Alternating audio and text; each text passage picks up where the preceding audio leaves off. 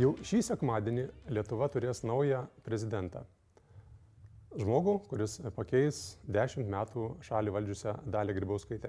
Pakalbėti apie Dalį Grybauskaitę, jos epochą, jos laikmetį, tas dvi kadencijas, kurias jį valdė Lietuva vieniems neprimtinų būdų, kitiems labai tinkamų būdų. Šiandien į mūsų studiją atvyko Gabrielio, atsiprašau, generolo Jono Žemaičio karo akademijos profesorė Juratė Novogrodskinė. Sveiki. Taip pat tarptautinių santykių ir politikos mokslų profesorius Tomas Janeliūnas ir Lietuvos ryto apžvalgininkas Vytautas Bruveris. Sveiki. Sveiki. Dalia Grybauskaitė Kol kas vienintelė moteris pasiekusi šį aukštą postą, vienintelė išrinkta dviem kadencijom iš eilės, taip pat vienintelė laimėjusi rinkimus jau po pirmojo turo, bet galbūt yra ir daugiau dalykų, kurie ją išskiria iš viso to būrio žmonių, kurie nuolat dalyvauja Lietuvos politikoje.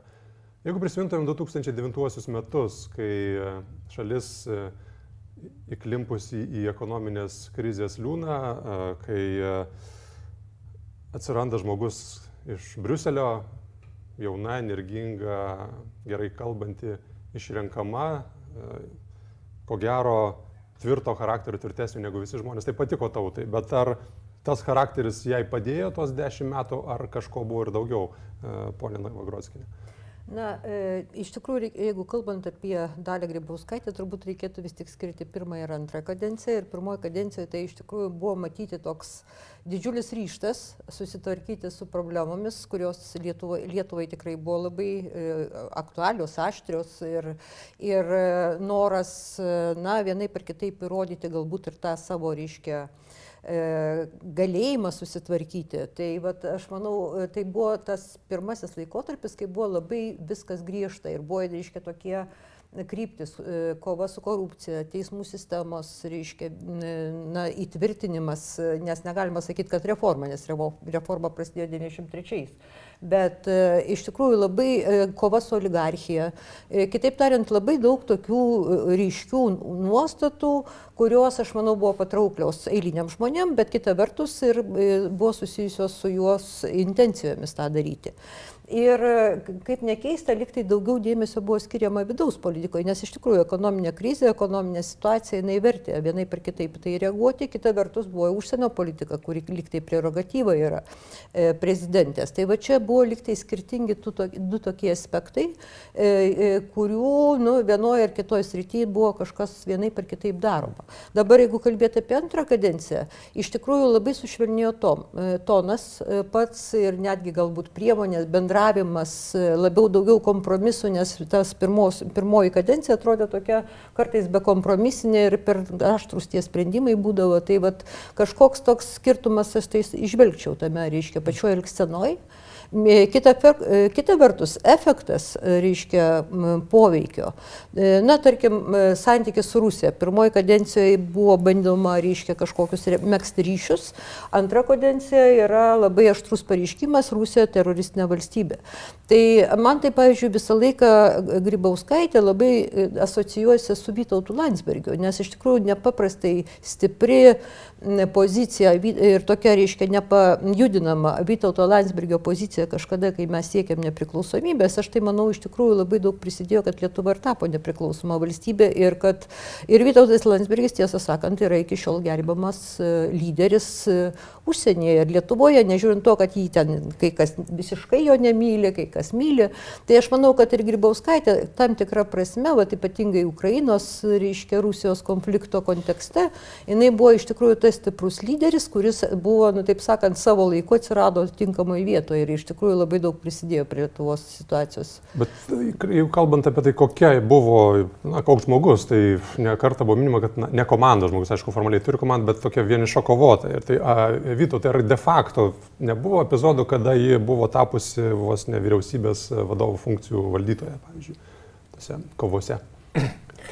Na, aš pirmiausia manau, kad reikia skirti du dalykus, kalbant apie Dalį Grybauskaitę kaip apie žmogų - įvaizdį ir patį žmogų. A, tai įvaizdis e, čia jai ir jos sėkmiai, ir jos atsidūrimui tam prezidento postui buvo lemiamas, esminis dalykas. A, jinai na, neatsirado iš dangaus 2009 metais. E, šiaip apie jos, apie tai, kaip apie galimą kandidatą į prezidentės buvo kalbama jau ir 2008 metais ir, ir apie tai, kad jinai na, gali kandidatuoti į prezidento postą, buvo kalbama maždaug ar ne metus iki pačių prezidento rinkimų. Ir vien jau šitos kalbos, na, jau sukėlė tiesiog, aš prisimenu, sprogimą reitinguose, tautos, tautos lūkesčių sprogimą ir tauta labai jos norėjo, jie kvietė ir taip norėjo, kad pirmam turė, kaip prisimename, išrinko. Pirmam turėjau 2009 metais. Tai e, tas įvaizdis buvo ir buvo toks, jisai didelio ten turinio nėra, kaip ir visose aukščiausio rango politikų įvaizdžiuose. Tai tokia tvirtos rankos atstovė specialistė, ne politikė, ne partinė, pripažinta Europos mastu, žodžiu, tokios, na, kaip kietos rankos šalininkė, plėdinė magnolija, juodojo diržo savininkė ir panašiai ir panašiai. Tai čia buvo esmė, dėl ko jie tauta rinko, triuškinančiai rinko ir čia esmė buvo, dėl ko jinai iš esmės beveik visą laiką buvo vienvaldė reitingų visų, visų lyderių. Uh, kitas dalykas, kaip aš sakau, realus žmogus, apie tai aš, aš arti net nestovėjau, nei to prezidento dvaro vadinamo, nei šalia jos. Bet kiek aš mano įspūdžių, kiek aš, kiek aš taip iš išorės ir gal kažkuria prasme iš vidaus, kadangi vis tiek su kitais politikais, o ta mūsų vidaus politika yra labai jau susisiekiantis indai, ten, indas ten, ten daug gali sužinoti, jei ne iš pirmų lūpų, tai iš antrų, trečių, tai iš įvairiausių, kiek ir, ir tokių nuotrupų.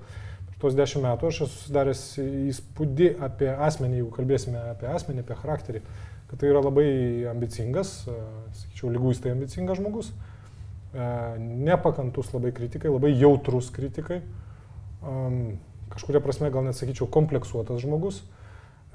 Ir kur yra pagrindinis skirtumas mano požiūriu tarp įvaizdžio ir realaus žmogaus, tai kad įvaizdis sako, kad tai yra labai drasus, ryštingas, netgi kategoriškas, aštrus žmogus. Realiai, mano nuomonė, realiai tas žmogus yra žymiai atsargesnis, netgi baigštus tam tikrais momentais, sakyčiau, labai, net momentais galima sakyti, net bailus žmogus.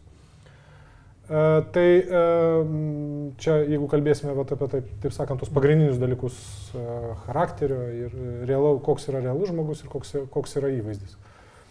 Dabar, jeigu kalbėsime apie kažkokias tai galimas transformacijas, jos politinės, nežinau, čia matyti jau, čia jau tolesnė laidos yra tema, bet čia buvo užsiminta skirtumai tarp pirmosios ir antrosios kadencijų. Aš kažkokių ypatingų evoliucijų nepastebiu.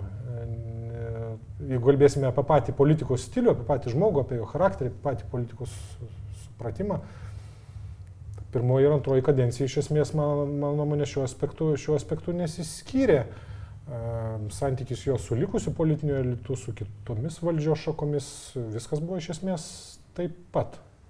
Bet iš ties, je, jeigu žmogus ambicingas, na, kartais aktyvesnis, agresyvesnis negu visi kiti, yra išrenkamas į postą šalyje, kuri nėra prezidentinė valstybė ir gali daryti tai, ką daro, ar nereikėtų pagalvoti ateitie apie Tomai klausimas pačiam saugiklius, kad e, ta institucija veiktų truputį labiau ant bėgių pastačius ją. Yeah.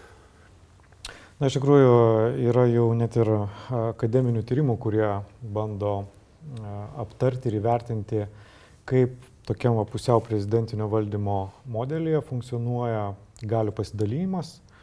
Ir išvados realiai tokios, kad tais atvejais, kada trūksta konstituciškai užfiksuotų aiškių mechanizmų, kaip, tarkim, elgesi tarpusavyje prezidentas ir premjeras arba vyriausybė, pasidalindami valdžią arba kaip formuoja bendradarbiajimo precedentus ir mechanizmą.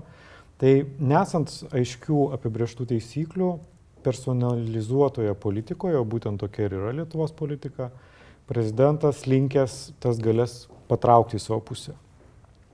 Ir aš pats, tirdamas jau užsienio politiką Lietuvos pastarį dešimtmetį, irgi labai akivaizdžiai matau ženklus, kaip užsienio politikoje iš vyriausybės galios centras tikrai persikėlė į prezidentūrą.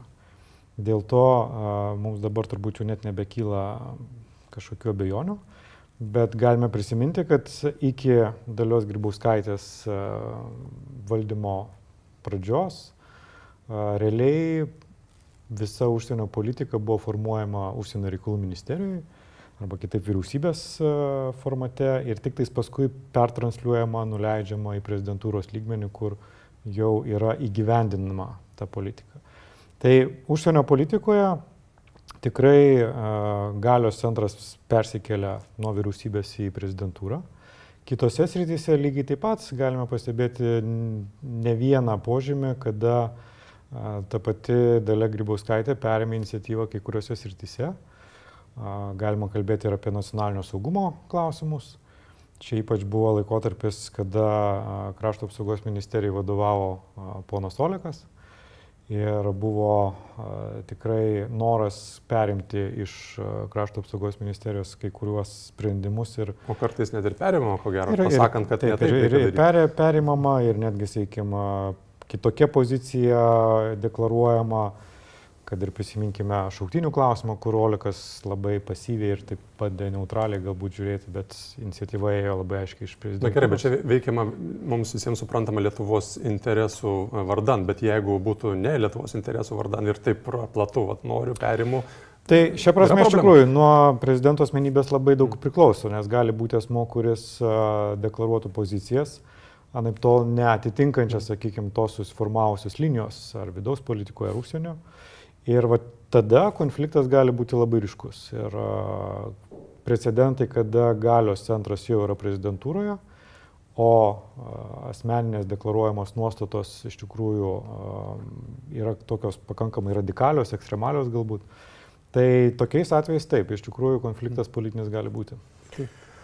Aš manau, kad čia dabar mes šiek tiek kalbam uh, uh, apie tokius, nežinau, sim, simptominio ligmens antrinius dalykus. Esmė, uh, juk mano požiūriu yra kame. Grybauskaitės stiprybės šaltinis ir Grybauskaitės fenomenas, kalbėkime, taip, yra visos politinės sistemos ir pirmiausia partijų sistemos išsisėmimo ir silpnumo išaiška. Padarinys. Prisiminkime, vėlgi grįžkime mintimis į ruščius 2008 ir 2009. Kaip tada atrodė, jau tada atrodė mūsų partijų, mūsų politinė sistema? Kas tada ėjo į valdžią, kas buvo sensacija, pavyzdžiui, Seimo rinkimuose? Tautos prisikėlimo partija. Absoliutus ženklas, rinkėjų signalas visam politiniam elitui inkorporė, kaip jie žiūri į visą politikumą, šitą terminą naudojant. Grybauskaitė irgi buvo ir yra, ir visą laiką buvo tos e, partijų ar tos tradicinės, tos klasikinės politinės sistemos krizės simptomas. E, jos, e, jos populiarumo ir, ir stiprybės šaltinis ir esmė buvo ta, kad jinai sugebėjo save labai aiškiai ir kategoriškai pristatyti, pateikti tautai kaip radikalią alternatyvą. Net priešingybę visai tai, reiškia, politikai, visom tom partijom ir panašiai. Ir tai kažkuria prasme atliepia ir tos galbūt formalius konstitucinės valstybės sąrangos dalykus, nes a, kuo yra silpnesnis a, šiaip politinis elitas vyriausybėje, Seime, kuo jisai labiau yra fragmentuotas, a, kuo jisai yra tarpusavį susiriejęs, kuo jisai yra bailesnis galų gale, tuo stipresnė yra, ar tiksliau, tuo daugiau potencialo būti stipresnė yra prezidento institucija ir prezidento figūrai. Grybauskaitė tau naudojasi visą laiką ir, ir, ir tiek. Aš nežinau, ar čia kokiais nors formaliais konstituciniais, e, taip sakant, pataisimais ar apribojimais tu šitą situaciją pakeisi. Čia yra tokie fundamentalesni e, politinės sistemos kraujotakos vidinės ir gyvybės dalykai. Tai jeigu konkrečiau paklausom, nes paskutinė, na, nežinau, ketvirtis turbūt kadencijos pažymėtas kova prezidentės vėlgi su partija, jeigu taip mes sutiksime vadinti valstiečių žaliųjų sąjungą e, valdančiąją partiją. Ir dabar mes matome į antrąjį turą išėjo du jai labiau tinkantis kandidatai. Tai kaip vertintumėt čia klausimas abstrakčiai visiems, e, laimėjo jinai šitą turą apskritai, pra, čia pra pabaigos pradžia žaliųjų, ar, ar kas čia yra? Neatsitiktinai jinai džiaugiasi, kad, kad Lietuvai labai pasisekė. Taip. Tai vadinasi, jinai na, išlaikė galę ir jinai gali tikrai toliau manyti, kad... E, čia ne vien tik jos galia buvo pagrįsta, bet jos indėlis, aišku, tai konfrontuojant e, jos in, į tą, taip sakant, jinai buvo vienas iš e, svarbiausių žaidėjų ir vienas iš svarbiausių faktorių mm. visam bendram fronte, tame, kuris išsidėstė prieš valstiečių ir žaliųjų daugumą. Bet galbūt aš net nepasakyčiau dabar, kad pats svarbiausias. Bet kas gyvyksta, mes matome, kad tęsiasi tas e, sakymas, kad nu, partijos yra blogai. Ne, ne, ne. Aš, aš priminčiau, e, ir tikriausiai kolegos prisimena jos retorikos, retorikos bent jau partijų, partijų atžvilgių pasikeitimą taip saliginai kalbant, antroji, antrosios kadencijos pusė, ar taip sakant, antrosios kadencijos pavakarys ar net saulėlydis. Jis viešai net pradėjo, kažkuriame, man atrodo, iš metinių pranešimų, jeigu neklystų, pataisykit, jinai viešai pradėjo kalbėti, sakyti, kad vis dėlto demokratijos ir apskritai kiekvienos politinės sistemos sveikatos pagrindas yra partijos, partijų sistema ir kad partijos pas mus tai nepelnytai. Susisgrėbė, kaip sakė. E, nepelnytai. Tai štai tada e, kai kuri, daugelis, nežinau ar daugelis, bet jau aš e, tame tarpe kėliau antakį ir sakiau, tai palaukit, ponė, tai kaip čia dabar pusantros prieš tai visos kadencijos jos, kaip aš jau minėjau mūsų pokalbio pradžioje, visas, visas tas PR'as, kaip paprastai kalbant, buvo paremtas tuo, fundamentas buvo e, ne tik konfrontacija su partijomis kaip institutai, su partija kaip institutu apskritai, bet e, toks na, net, net radikalus e, to, to instituto toks, nežinau, niekinimas, menkinimas. Ir dabar jinai staiga pakeičia retoriką. Viena iš tos retorikos pokyčio priežasčių, aš manau, buvo einamoji politinė konjunktūra. Mm. Nes tie patys valstiečiai žalieji, ar jie partija? Man atrodo, kad ne. ne. Tai yra partijos tiesiog pavadinimą, kadangi taip reikalauja įstatymai. Į Seimą tu ne partija, būdamas, nu, tu negali iškelti sąrašo. Tai jie turėjo apsimesti pasivadinti taip. partiją, bet per savo rinkimų kampaniją jie visiems rinkėjams aiškino, gerbiami rinkėjai, tik jūs nesuklyskite, mes partija tik vadinamės, iš tiesų mes net ne partija ir netgi antipartija esame. Tai Grybauskaitė jautė aiškiai šitą trendą. E, tai ir jos trendas, bet kadangi jinai suėjo į griežtą konfrontaciją į klinčą su to, jinai staiga prisiminė, kad partijos, tradicinės partijos vis dėlto yra geras ir reikalingas dalykas. Gerai, e, grįžkime prie vis dėlto pagrindinės e, prezidento funkcijos užsienio e, politiką. Tai jeigu pažvelgtumėm į jos dešimties metų veiksmus, nuo ko prasidėjo, ko baigėsi, ryškiausi momentai, Tomai. Iš tikrųjų prasidėjo nuo bandymų keisti buvusias tendencijas ir kryptis, kurias jau buvo suformuavęs Valdas Adamkus.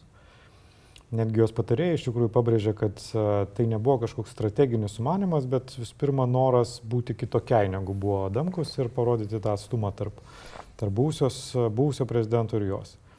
Ir kartu tai buvo jos noras pačiai tikrinti galimybės tarkim, tie patys susitikimai su Aleksandru Lukašenka ar Vladimiru Putinu. Klaida, turbūt. Buvo iš esmės taip, ta prasme, nes baigėsi prastai, ne vienas iš tų bandymų perkrauti santykius nedavė jokios naudos. Bet tai kilo matyti iš šios pačios noro pačiai suprasti, suvokti ir patikrinti, ar gali kažkur tai kažką pakeisti. Čia aš nesutikčiau su Vytautu, kad ji yra kažkuo baili ar, ar prasme, nedrasi. Tai užsienio politika atvirkščiai, priešingai. Ta prasme, ji netgi kai kuriais atvejais rodydavo tokią nepagarbą arba, sakykime, tikslingą konfliktavimą su pasaulio galingaisiais, e, ko niekas... Čia, nevažiavo susitikti su Obama. Ir nevažiavo susitikti su Obama ir su to pačiu Putinu ir, ir galiausiai su Lenkų lyderiais ir panašiai. Tai ten negalima išvelgti, kad ji kažkur tai buvo baigšti arba nedrasi gal netgi priešingai, sakyčiau, buvo per daug įžeidi, taip, kai kuriais atvejais, ir nebijanti dėl to sukelti konfliktų. Tai va, ta pirmoji kadencija tikrai pasižymėjo tokiu staigių judesių demonstravimo tiek su rytiniais kaimynais, tiek su amerikiečiais, tiek net ir su Lenkais vėliau, kada įvyko tas atšalimas su Lenkais po Lecho Kačinskio ir viso, visos Lenkų vadovybės žuties 2010 metais.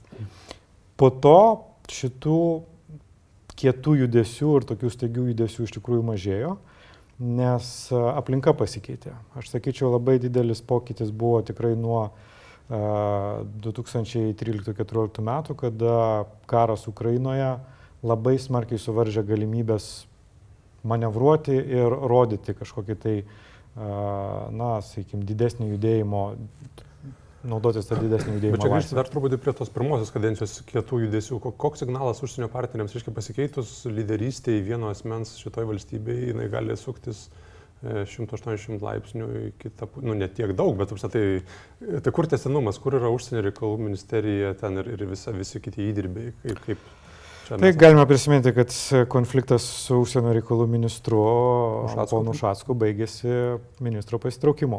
Aplankė Afganistaną. Taip, tai tas, tas pradinis konfliktas jis buvo ir jis galiausiai e, pakrypo prezidentės naudai. Bet vienaip ar kitaip tai nebuvo tas toks jau baisiai radikalus nukrypimas nuo mums tipinių krypčių, nes su amerikiečiais vis tiek santykiai išliko pakankamai geri, nors jie gušiojo pečiais ir kreipė antakius. Kodėl prezidentė nenori susitikti su JAV prezidentu arba iš kur čia kyla tas visas toks, sakykime, pasipiktinimas. Bet kai kuriais kitais atvejais būtent dėl savo radikalumo jie sugebėjo greičiau gauti sprendimus, tarkim, dėl NATO gynybinių planų, kurių dėl, sakyčiau, kai kurių mūsų kitų politikų drovumo mes gana ilgai neturėjom. Kaip jums atrodo? Aš tai manau, kad e, apskritai e, jos elgsena yra labai susijusi su kontekstu. Ir jeigu iškyla kažkokie kontekstiniai faktoriai, tai tada yra atitinkama labai adekvati dažnai reakcija.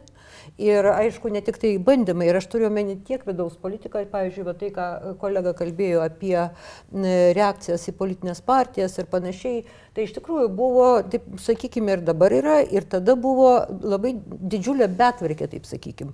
Nes e, iš tikrųjų ir susiskaldimas, ir nesugebėjimas valdyti, ir nesugebėjimas priimti normalių sprendimų, ir tai, man atrodo, visiškai adekvati reakcija.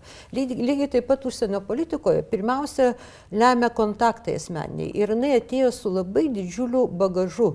Tai yra e, pažinčių asmeninių ES visose institucijose, struktūrose, vadovų atskirų ES ir ypač tų pagrindinių žaidėjų, tai yra, nu, reiškia, to pirmojo šalono, sakykime, lyderių irgi. Ir aš manau, kad tas jai suteikia labai daug pasitikėjimo ir dėl to jinai vienai per kitaip, reiškia, galėjo pozicionuoti na, vienus ar kitus kažkokius aktualius klausimus ir reaguoti. Nes čia dar nebuvo pridėta, pavyzdžiui, Jeruzalės klausimas irgi buvo, nu, reiškia, kaip įsišokimas, ne, čia nepritarėm JAV sprendimui JAV Taip. šito. Tai va, tai man atrodo, kad vis tik tai tas, kad jinai atėjo su e, manydama ir žinodama, kad jinai yra pakankamai gerai žinoma asmenybė. Tai jinai dėl to ir priminėjo labai dažnai tokius, gal atrodo, agresyvius, ar, reiškia, tokius galbūt nestandartinius, e, neįlinius. Labai savarankiškus ir individualius. Taip, neva. taip. Ir be to komandos vis tik tai irgi turbūt turėjo kažkokie tai įtakos, nes dabar jau pasikeitė, e, tarkim, labai daug didelė dalis ir manau, kad vis tiek vienai par kitaip, e, nežiūrint to, kad jinai tikrai linkusi pati priimti sprendimus, bet taip, kaip surenkama medžiaga, galbūt kaip yra e, svarstoma, aš neįsivaizduoju, kaip dirbama. Ne, bet čia yra autoritarinių valdymo bruožų šitame visame, nes visi kiti atrodo profesionalai su tokiu bagažu kaip minėjai. Nustokim krūpčio dėl to autoritarizmo. Nu, taip, taip, galim paploti, aišku, gerai baigėsi. Žiūrėkit, žiūrėkit, Pone Navagratskienė čia paminėjo man, nuomonė esminį svarbiausią dalyką apie bagažą, sąsąją su ES. Aš šiek tiek kitų kampų pakreipčiau šitą visą reikalą. Jai labai svarbu yra sąsąją su Europos, Briuselio, tarkim, ir Strasbūro politiniu elitu ir aukščiausiu politiniu elitu. Akivaizdu, kad jinai nuo pat pirmosios kadencijos pradžios projektavo grįžimą į tą elitą, tik tai kur kas aukštame poste, negu užėmė prieš tai Briuselį, Europos, Europos, komisija, Europos komisijoje. Tebe projektuoja tai jį ir dabar, mano manė. Tai e, vat, visą laiką jinai pagal jos supratimą, tikriausiai ir įsivaizdavimą, aišku, jinai per savo kažkokią individualią prizmę tai praleisdavo, bet jinai bent jau e, toj, vat, kai kalbame apie pirmą kadenciją ir pradžią tos jos užsienio politikos, tos sprendimus, Aišku, tai buvo tokie asmeniai individualūs dalykai ir įvaizdžio dalykai, nes tengiasi labiau, kuo labiau atsiriboti nuo Damkaus, nuo, nuo visos tos, reiškia, oficialiojo Vilniaus tradicinės diplomatinės sistemos ir panašiai ir panašiai. Čia buvo tokie asmenys ir viešieji ryšiai ir matyti tam tikras asmenys savęs drąsinimas ir pozicionavimas politinėje arenoje. Bet tai kartu jinai stengiasi, mano nuomonė, pataikyti ir bendruosius tos tendencijas e, Briuselyje, Strasbūrė ir tame tarp ir Vašingtonė.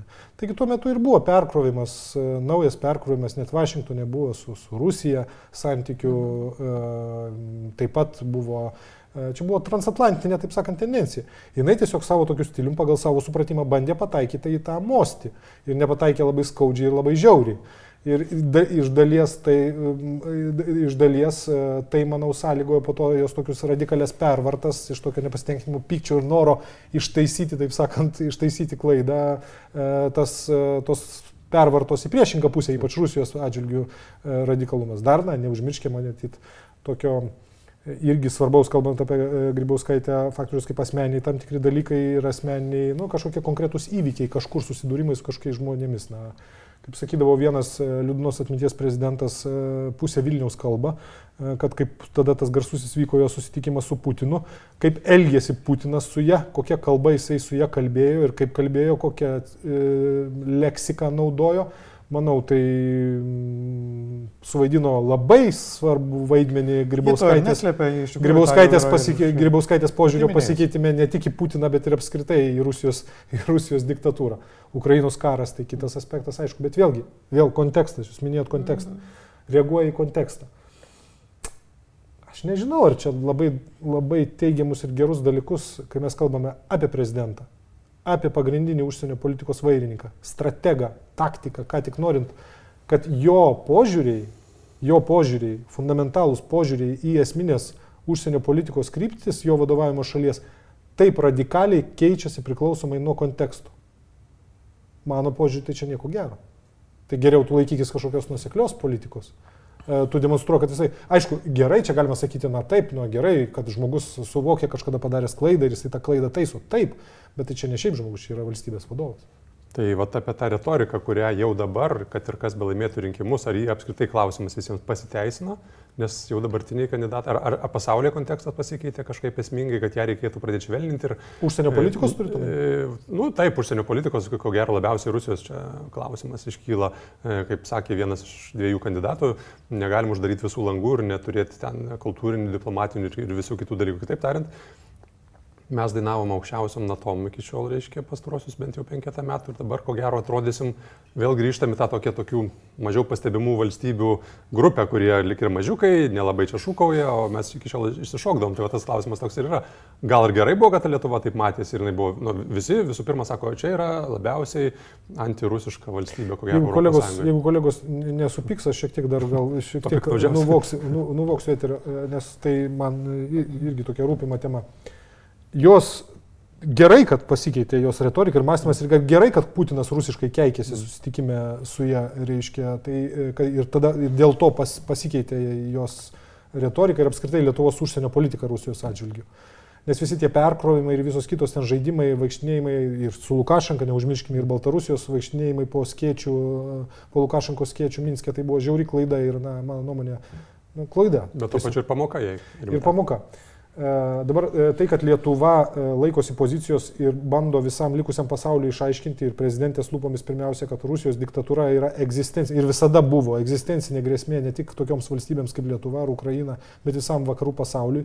Ir kad su ja galima bendrauti tik tai sankcijų ir politinės izolacijos kalba, tai, tai gerai, kad, kad tokios pozicijos laikosi Lietuva ir daug dievė, kad jinai iš to kelio neiškryptų bet tik tai visą laiką, kada ir turėdavau, aš mano pagrindinis priekaištas visą laiką ir pačios Grybauskaitės politikai buvo šito, ir mūsų apskritai užsienio uh, politikai šito klausimu.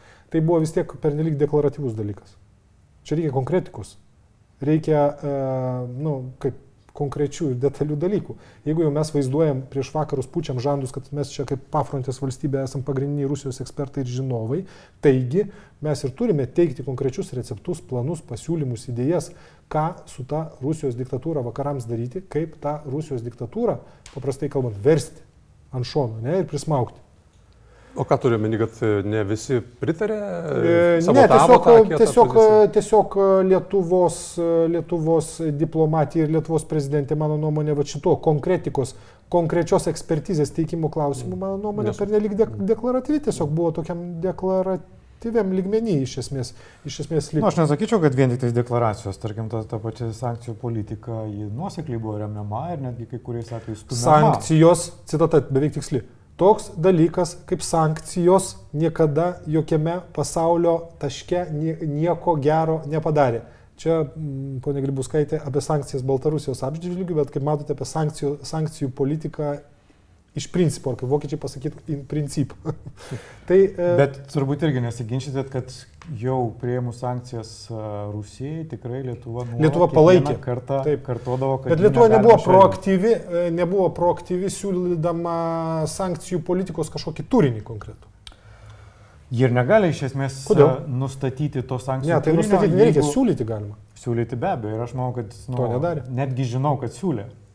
Konkrečiai kokios sankcijos taip, turėtų būti, taip, kokias tie patys, tie patys Magniskio sąrašų sudarimai ir panašiai, jie nuolat yra sudaromi. Ai, tai tos, tie, tie reiškia, asmenys, kurie turėtų ten būti kažkur neįleidžiami, jų ten... O tai ar nėra mūsų ekspertizės dalis? fragmentiškas toks dalykas, čia fragmentas. Aš kalbu apie, nu kaip, aš, aš kalbu apie dalyką, kuris na, man bent jau taip kažkaip visą laiką atrodo, kad jo nėra, na tai vakarai, kaip vakarai, jeigu dar mes galime kalbėti apie vakarus, kaip apie kažkokį, taip sakant, vienetą, ne, ar bendrą frontą. Jie vis tik turėtų turėti tikrą nuoseklę ir visą apimančią Rusijos politiką atžvilgių, Rusijos režimo dusinimo, dusinimo politiką, taip, Rusijos režimo sulaikymo politiką. Tokios politikos nėra ir fragmentiškais kažkokiais pasiūlymais vienoje ir kitoje srityje tu tos politikos nesukursi. Aš tai sakyčiau, kad reikia atsižvelgti tai, kad iš tikrųjų Lietuva, reikia, e, Lietuva priversta laviruoti. Nes tarkim, matai, jeigu imti, reiškia, mūsų partnerį dabartinį, e, ypač gynybos srityje Vokietija, labai gerus asmeninius santykius su Merkel e, prezidentės. E, tačiau, jeigu pasižiūrėt, kokia spauda ir kas yra rašoma Vokietijos spaudoje ir kokia yra visuomenės nuomonė, tai ten labai aiškiai suformuota, kad Rusija nėra pavojinga, kad Rusija, e, na, čia yra, reiškia, toksai, iš tikrųjų su ja reikia palaikyti labai artimus ryšius, yra labai, labai naudinga ekonominių bendradarbiavimo prasme ir kad didesnis pavojus tai yra va, tie pabėgėliai, reiškia, arba ir nelegalai ir visa kita, tai ką paliko mums. Yra taip, bet ir, nėra vien taip. Vokietija yra kur kas didesnė žaidimo nu, aikštelė. Kiek teko kalbėti su dabartiniu mūsų ambasadorium, tai iš tikrųjų yra situacija, sakė, man yra sunku įrodyti mano kolegom, kad yra iš tikrųjų Rusijos grėsmė didžiulė. Ir tai reikia įsivaizduoti, kad mūsų diplomatiniam tarnybom yra iš tikrųjų nepaprastai sunku dirbti va tokiamis sąlygomis, kai vakarų supratimas yra vienoks, o Rusijos supratimas kitoks. Yra netgi, pavyzdžiui, Rusijos kaltinimas vakarams, kad šventu, švelnioji gale tai buvo oranžinė revoliucija Ukrainoje, kad tai buvo švelniosios galios projektas, oranžinė revoliucija Ukrainoje, nes jie taip supranta. Tuo tarpu Rus, e, e, vakarų šalių supratimas ir terminologija visai yra kas kita.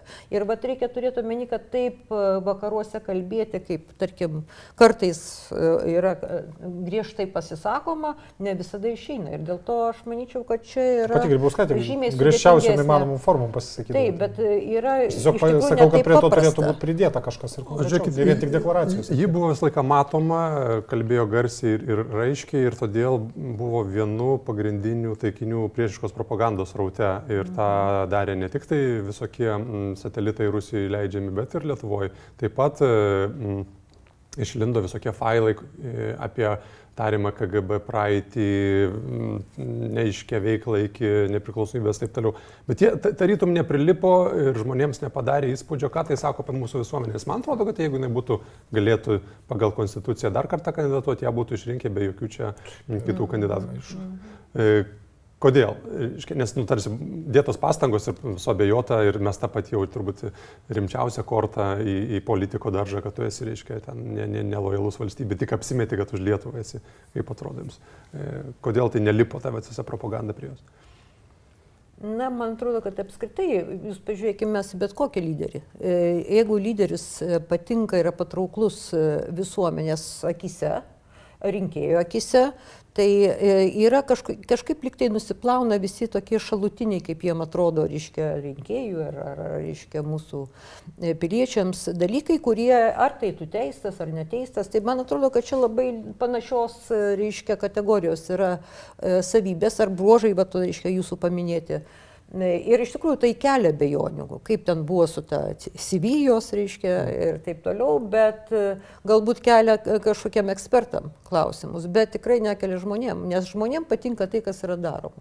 Ir tai, kad, na, pagaliau ten kažkokią tvarką įvedė, ar ten mhm. kažkokių rūpinasi jiems, arba bent deklaruoja, kad rūpinasi ypatingai jos dabar santykis, reiškia, na, ir su neįgaliaisiais, su vaikų namais, ten, reiškia, ir ta labdaringa vienokia ar kitokia veikla. Tai aš manau, tas E, šalia tų visų, reiškia, strateginių veiklų e, e, valstybės lygmens, kartu ir, reiškia, va, tas santykis su visuomenė, tai ką jinai sugeba daryti, iš tikrųjų labai puikiai. Tai irgi turbūt nuglaisto. Nu, nežinau, gal dar. Tai kalbant santykį su visuomenė ir apskritai veikėjais politikoje, nes jeigu lygintumėm su prezidentūra Adamkaus laiku, jinai tapo uždaresnė iškart, ne tik kalbant apie pobuvius ir vaikų mhm, krikštavimą plačiaja mhm. prasme, bet ir apskritai santykiai su, su partijomis, bet kažko reikėjo vis dėlto pasitikėti. Ir tas pasitikėjimas buvo e, liberalai, kur, kuriuos dabar mažai kas jau prisimena. Tai Vyto, tai kokie šios istorijos e, fragmentai, pasakos įsidėmėjo labiausiai? Tulpių paštas, ten, Masiulis, visa kita. Čia buvo ryškus toksai pirmas, turbūt rimtas smūgis jos tam, tam tokiam monolitų įvaizdžiui, man taip atrodo. Na, taip, na, jeigu čia kalbėsime apie tai, kodėl prie jos nelipo ten net visokios KGB etiketės ir panašiai, na, tai viena vertus buvo, na, dėl tos paprastos priežasties, kad buvo akivaizdu, kad tai, na, nieko rimčiau nepagrista, vien tik tai, na, mm. propagandiniais ten tokiais visokiais dalykais ir, ir politiniam kovom su ją. Klausimai dėl tos jos, tos biografijos fakto, dėl jos, reiškia, tos partinės mokyklos ir ten nepriklausomybės, reiškia, paskelbimo dėl to, vat, tai čia klausimai rimti ir pagristi ir, ir jie na, neatsakyti. Neatsakyti. Ir neatsakyti, bet jie visi kiti ten KGB šleifai ir, ir panašiai. Tai, tai, tai čia toks, na kaip. Tai nenustabu, kad bent jau kritinė masė visuomenės tai tiesiog nereagavo. Bet e, čia aišku, kad kiek vat ir...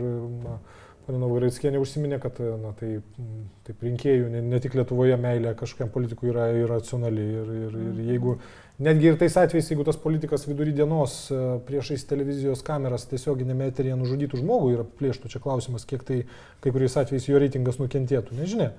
Čia galima ne taip jau visiškai taip užaštrint. E, bet dabar apie e, tą, taip sakant, prezidentūros uždarumą ir bendravimą, tu tam smadi norėjai paklausti, kiek čia ar jinai nukentėjo su tais liberalais, reiškia ten atsivėrus mm. tiem liberalais. Na, aš kiek suprantu, tas tulpių paštas buvo ne tik su liberalais, jinai, jinai toks jos stilius, jinai, jinai taip sakant, e, ne visai prezidentiškai pagal kažkokį galbūt davatkišką stereotipinį supratimą bendraudavo su apskritai daugeliu politikų.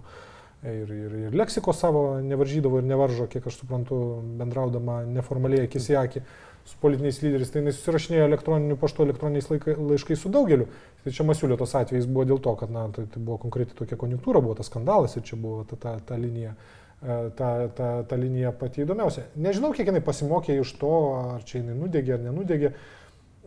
Visą laiką jinai šiaip buvo ir, ir tebėra uždaras ir šio, šio požiūriu bailus žmogus, nenorintis niekaip atverti kažkokio savo, prisileisti kažko per arti prie savęs, atsiverti kažkokiais ten asmeninio gyvenimo dalykais, spaudai ar nespaudai, žiniasklaidai ar nežiniasklaidai. Čia aš kaip sakau, čia tokios jau charakterio, tokio, tokio, tokio ambicingo, tokio labai, labai jautraus, kompleksuoto, net sakyčiau, savybės.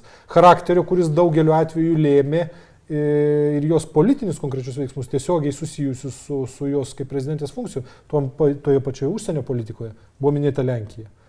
Dėl ko jinai tapo pagrindinės stabdytoje visų, nu, visų reikalų, e, kodėl, kodėl būtent asmenį. jos ranka ant rankinio stabdžio laikė, taip sakant, tą, tą įšalą visą pradėjo Lenkijos atžvilgiu. Mm. Nu, tai jinai pyko labai įsižeidus, buvo ant Lenkų ir, ir pirmiausia ant Sikorskio ir viską, kad jie nu, nepakankamai pagarbiai ir iš aukšto bendrauja su, su ją ir su visu Vilniumi ir Lietuva ir Lietuva vertina tik tai kaip, reiškia, Lenkijos didžiosios imperijos pakraštį ir provinciją. Jinai kiek galima buvo suprasti jos net kai kurios viešus po to atsiskleidimus ir pareiškimus šio klausimu. Ko gero dar vienas rytis, kurios nepaminėjom, bet reikėtų priskirti jos jau iniciatyvoms, nežinau, nebent kas nors turėtumėt prie, prieštaravimų energetikos sistemos užtikrinimas pačiu laiku ir tempiant stipriai, kaip tomai atrodo šitas. E, Taip, tai energetika buvo iš tikrųjų vienareikšmiškai dar tas rytis, kur perėmė iniciatyvą iš vyriausybės Ir čia suskystintų gamtinių dujų terminalas ir tas netgi krikštamotės tiesioginis tapimas, nes jį pati ten važiavo ir krikštijo tą laivą. Čia be ne geriausias signalas, kaip jie ėmėsi tų iniciatyvų, kas priklausė realiai vyriausybei. Bet e, šitoj vietoje čia yra ir geroji, ir blogoji pusė. Geroji pusė, kad, na, iš tikrųjų pakankamai ryštingai buvo kai kurie projektai įgyvendinti. Blogoji pusė tai, kad vis dėlto e, tas skubėjimas vienaip ar kitaip dabar jau atsiliepia per to terminalo išlaikymus ir kaštus ir tai, kas nebuvo galbūt tuo metu labai svarbu, tampa svarbu dabar. Kita vertus, čia kaip tik energetikui galime matyti, kad trūko ir bendradarbiavimo su kaimynais, su Latvija ir Estija visų pirma. Ne, nepavyko to bendradarbiavimo pasiekti, kad tas terminalas taptų regioniniu, kad turėtų paramą iš ES labai sunkiai sekėsi su elektros tinklų sinchronizacijos susitarimais. Čia dar 17 metais, kada turėjo būti pasirašomi memorandumai, taip ir nepavyko to pasiekti. Galiausiai Estijoje, kiek teko girdėti, tiesiog netgi buvo be mažiau šantažuojama Estija, kad mes atskirai jungsime su Lenkija, jūs likit kaip norit, tiesiog jeigu jūs jau nebebendradarbiausite, mes tą darysime pavieniui. Tai va šitose vietose tikrai tos arogancijos buvo galbūt per daug. Ir matyt, jau gal buvo įprotis ES lygių su Junkeriu, su komisarais turėti tiesioginius ryšius ir per juos spausti tuos mūsų partnerius Latvijoje ir Estijoje ir jų net nebelaikyti kaip lygiaverčių, sakykime, partnerių, o jau kaip netgi žemesnius partnerius, kurie turi priimti mūsų poziciją arba Europos komisijos poziciją, kurią mes perkeliame, negu, negu sakykime, iškoti to bendro. O kaip Astrava šitam kontekste atrodo? Visiškas pralaimėjimas, absoliučiai. Mhm. Ta prasme, net ir jeigu įsivaizduotume, kad 90 metais dar galėjo būti stabdomas jis ir tie susitikimai su Lukašenka galėtų būti kaip vienas iš pretekstų turėti kažkokį tai tiesioginį susitarimą. Buvo galbūt kalbama kažkas, bet akivaizdžiai buvo praleistas tas momentas, kai buvo galima kažką keisti. Čia vat to vadinamo stipraus ir ištingo lyderio antroji ir neigiamoji, taip sakant, pusė. Kai tik vienas žmogus pradeda diktuoti, pavyzdžiui, visai sistemai, diplomatijos, sakysim, šiuo atveju ir užsienio, užsienio reikalų sistemai. Ir, ir, ir ta sistema po juo atsigula lojalumo vien tik tai principų ir, ir, ir, ir gesinama bet kokia toje pačioje sistemoje savarankiška kažkokia iniciatyva ir savarankiškas mąstymas. Ir kai visi tik tai žiūri į viršų, kiekvienu atveju žengdami tik tai į dešinę ir į kairę, kas, kas bus pasakyta, kaip bus reaguojama iš ten, mes ir gauname, taip sakant, regioninio bendradarbiavimo ir visokio kitokio trūkumus, nepakankamą, taip sakant, solidarumą ir, ir pačiame ir pačio, pačios šalies viduje, tą patį Astravą pašonį. Na ir keliaujant į pabaigą, viena dar e, kertinių jos e, programinių nuostatų buvo teismų sistemos reforma, taip pat, aišku, darbas su tom struktūromis e, ir buvo visokių istorijų su slaptom pažymom, prokurorų skirimais ir mm, pabaigoje antros kadencijos taiga mm, masinės teisėjų, advokatų sulaikymai, bylos. Mm, smūgis e, sistemai, kaip sakoma, netgi gana skaudus.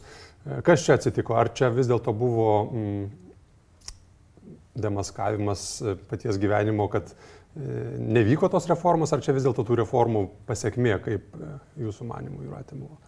Na, iš tikrųjų, buvo, e, tikslas, man atrodo, buvo e, padaryti e, teismų iš viso procedūras, procesą visą skaidriu. Ir vienas dalykas, laikantis tų pagrindinių principų, kad teisėjas turi būti žmogus labai skaidrios reputacijos, kompetitingas ir taip toliau. Ir dėl to buvo labai sustiprintos dvi komisijos, tai būtent teisėjo atrankos ir vat, buvo bandoma veikti būtent per tą teisėjo atrankos ir taip pat teisėjų drausmės ir etikos komisiją. Ir, ir tokiu būdu skiriant tiek, reiškia, pačius teisinų, reiškia, teisininkus, o kita vertus labai e, e, žiūrint, reiškia, kas galėtų būti visuomenės atstovai, nes ten tokia, tokia sandara tiesiog yra. Ir e, aš manau, kad iš tikrųjų per tą buvo bandoma daryti formaliai. O iš kitos pusės buvo bandoma likti ir kištis. Ta prasme, nu, toks įspūdis susidarė, kad e, iš tikrųjų kažkokios, kažkokie asmenys, ar jie dėl to, kad galbūt dalyvavo kažką, kažką tai asmeniškai padėjo, ar turėjo įtakos, nežinau. Bet e, tikrai faktų tokių kaip ir, ir nėra, bet iš tikrųjų kyla, arba tokios prielaidos formuojasi, kad iš tikrųjų buvo kažkokie asmeniškumai, e, skiriant vienus ar kitus, arba perlinkimai. Nu, įsivaizduojant, kad provincijos e, koks nors ten, reiškia, teisėjas, teisininkas geriau vykdys e, vienus ar kitus, e, reiškia, susidaro su teismu, atskuriant prokurorą, pavyzdžiui, generalinį ir taip toliau, dėl to, kad jisai nesusijęs klano ryšiais, tarkim, su Vilniaus teisėtvarka. Tai čia gali būti ir klaidos arba tiesiog perdėtas toksai vat, supratimas, nes iš tikrųjų yra labai e, sąžininkų teisėjų, teko man iš tikrųjų labai daug bendrauti, nes pati etikos komisijoje buvau. Ir iš kitos pusės yra e, sąlygos labai sunkios, tai vat, kažkaip tai ta liktai neapėmė kompleksiškai nebuvo pasižiūrėta, man atrodo, iš viso tą teismų reformą. Būtent. Nes jie labai daug turi bylų, jie nespėja, jie daro klaidas elementarias. Pavyzdžiui, vienas e, priima sprendimą, kitas pasirašo. Nes, nu, tarkim, sekretorė tiesiog padavė pasirašyti, o tas nepasižiūrėjo. Ne? Va iki tokių smulkmenų. Bet tai ta sistema jinai apsivalė, išsivalė ir jinai tiesiog e, tokia patėjo ir nieko čia nebuvo padaryta. Šiaip aš manau, bet kuriuo atveju pokyčiai teismų sistemoje vyko ir tikrai mhm. matėm. Matėm, kad e, buvo labai dažnai keičiami teisėjai, naujas e, tikrai atėjo korpusas į teismų sistemą, bylų skirstimo sistemos keitėsi, automatizuotos tapo ir taip toliau. E, galiausiai netgi tie patys pradėti e, antikorupciniai visokie tyrimai, man regis, tai rodo irgi tą ženklą, kad teismų sistema keitėsi. Iki šito uh, skandalo pasitikėjimas teismais augo labai tikrai ženkliai. Mhm. Ir tai greičiausiai irgi yra atspindys, kad pasitikėjimas visuomenėje stiprėjo. Aišku, dabar jis krito vėl į žemumas, grinai dėl mhm. šito konkretaus skandalo, bet tai greičiausiai yra pasiekmė, kad ne iki galo sistema buvo išvalyta. Aišku, mes apie dalį grybauskaitę galėtumėm kalbėti valandų valandas, e, per, per vieną valandą dešimties metų tikrai niekaip neapžvelgsi. Paskutinis klausimas kiekvienam iš jūsų, kaip matote jos politinę ateitį Lietuvoje ar užsienyje, ar apskritai svarstytinas toks variantas, kad po penkerių metų jinai galėtų bandyti dar sėki tapti prezidente ir ar susitaikys tokiu ramiu buviu kaip kiti buvę šalies vadovai. Ką aš tikrai galėčiau spėti drąsiai, jog jie nebandys kurti jokios politinės partijos ir neįsi politiką kaip kažkokio judėjimo ar komiteto vadovė. Jeigu susidarytų palankios aplinkybės, aš manau, kad jie mielai priimtų kokią nors poziciją ES, bet tai ne nuo jos priklauso, nuo įvairių skirtingų aplinkybių. Taip pat visiškai nenustepčiau, jeigu ji kurį laiką tikrai nuspręstų palsėti. Ir labai abejoju, ar ji norėtų po penkerių metų vėl grįžti į tą pačią, tą pačią upę. Mhm. Tai aš taip pat irgi manau, kad jinai tikrai nekandidatuotų į prezidentus dar, nes e, iš tikrųjų padarė viską, ką galėjo ir nemanau, kad jie reikia ten grįžti. Kita vertus, e, na, pagal jos patirtį, žinomumą ir taip toliau, aišku, kad tarptautinėse kažkur tai institucijose ir organizacijose būtų geriausia, nebūtinai Europos Sąjungoje, gal ir jungtinėse tautose ar dar kažkur tai. Tik tai vėlgi, teisingai Tomas sako, kad labai prikla, ne visada priklauso nuo asmeninių norų, o būtent nuo susiklostyčių situacijų, sąlygų ir taip toliau, aplinkybių kažkokių. Tai va ten aš manau, kad taip, o kažkaip tai, kad vien bitės augintų, tai nu, nelabai medų suktų. Taip. Aš irgi uh, nematau jos ir manau, kad ji pati savęs nemato Lietuvos vidaus politikoje kaip tiesioginės bent jau kažkokia ten, ten vienos iš tos vidaus politikos arenos figūrų. Uh, net abejoju ir pačiuose aukščiausiuose postuose kažkokiuose kitos, kitų, valdžios, kitų valdžios šakų.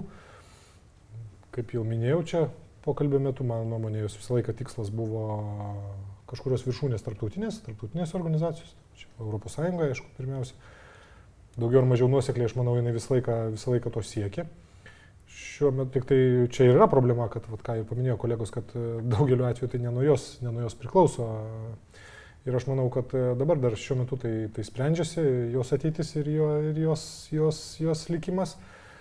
Ir viskas priklausys nuo to, ar jinai vis dėlto susidėlios tą jos karjerą, kaip jinai visą laiką nuosekliai jam, ją, manau, planavo. Jeigu jinai vis dėlto pateks į kokį nors ten, reiškia, šalia Merkelio ar šalia kitokių junkerių, reiškia, į kokį nors, į kokį nors postą, tai ją mes ten artimiausius metus ir matysime.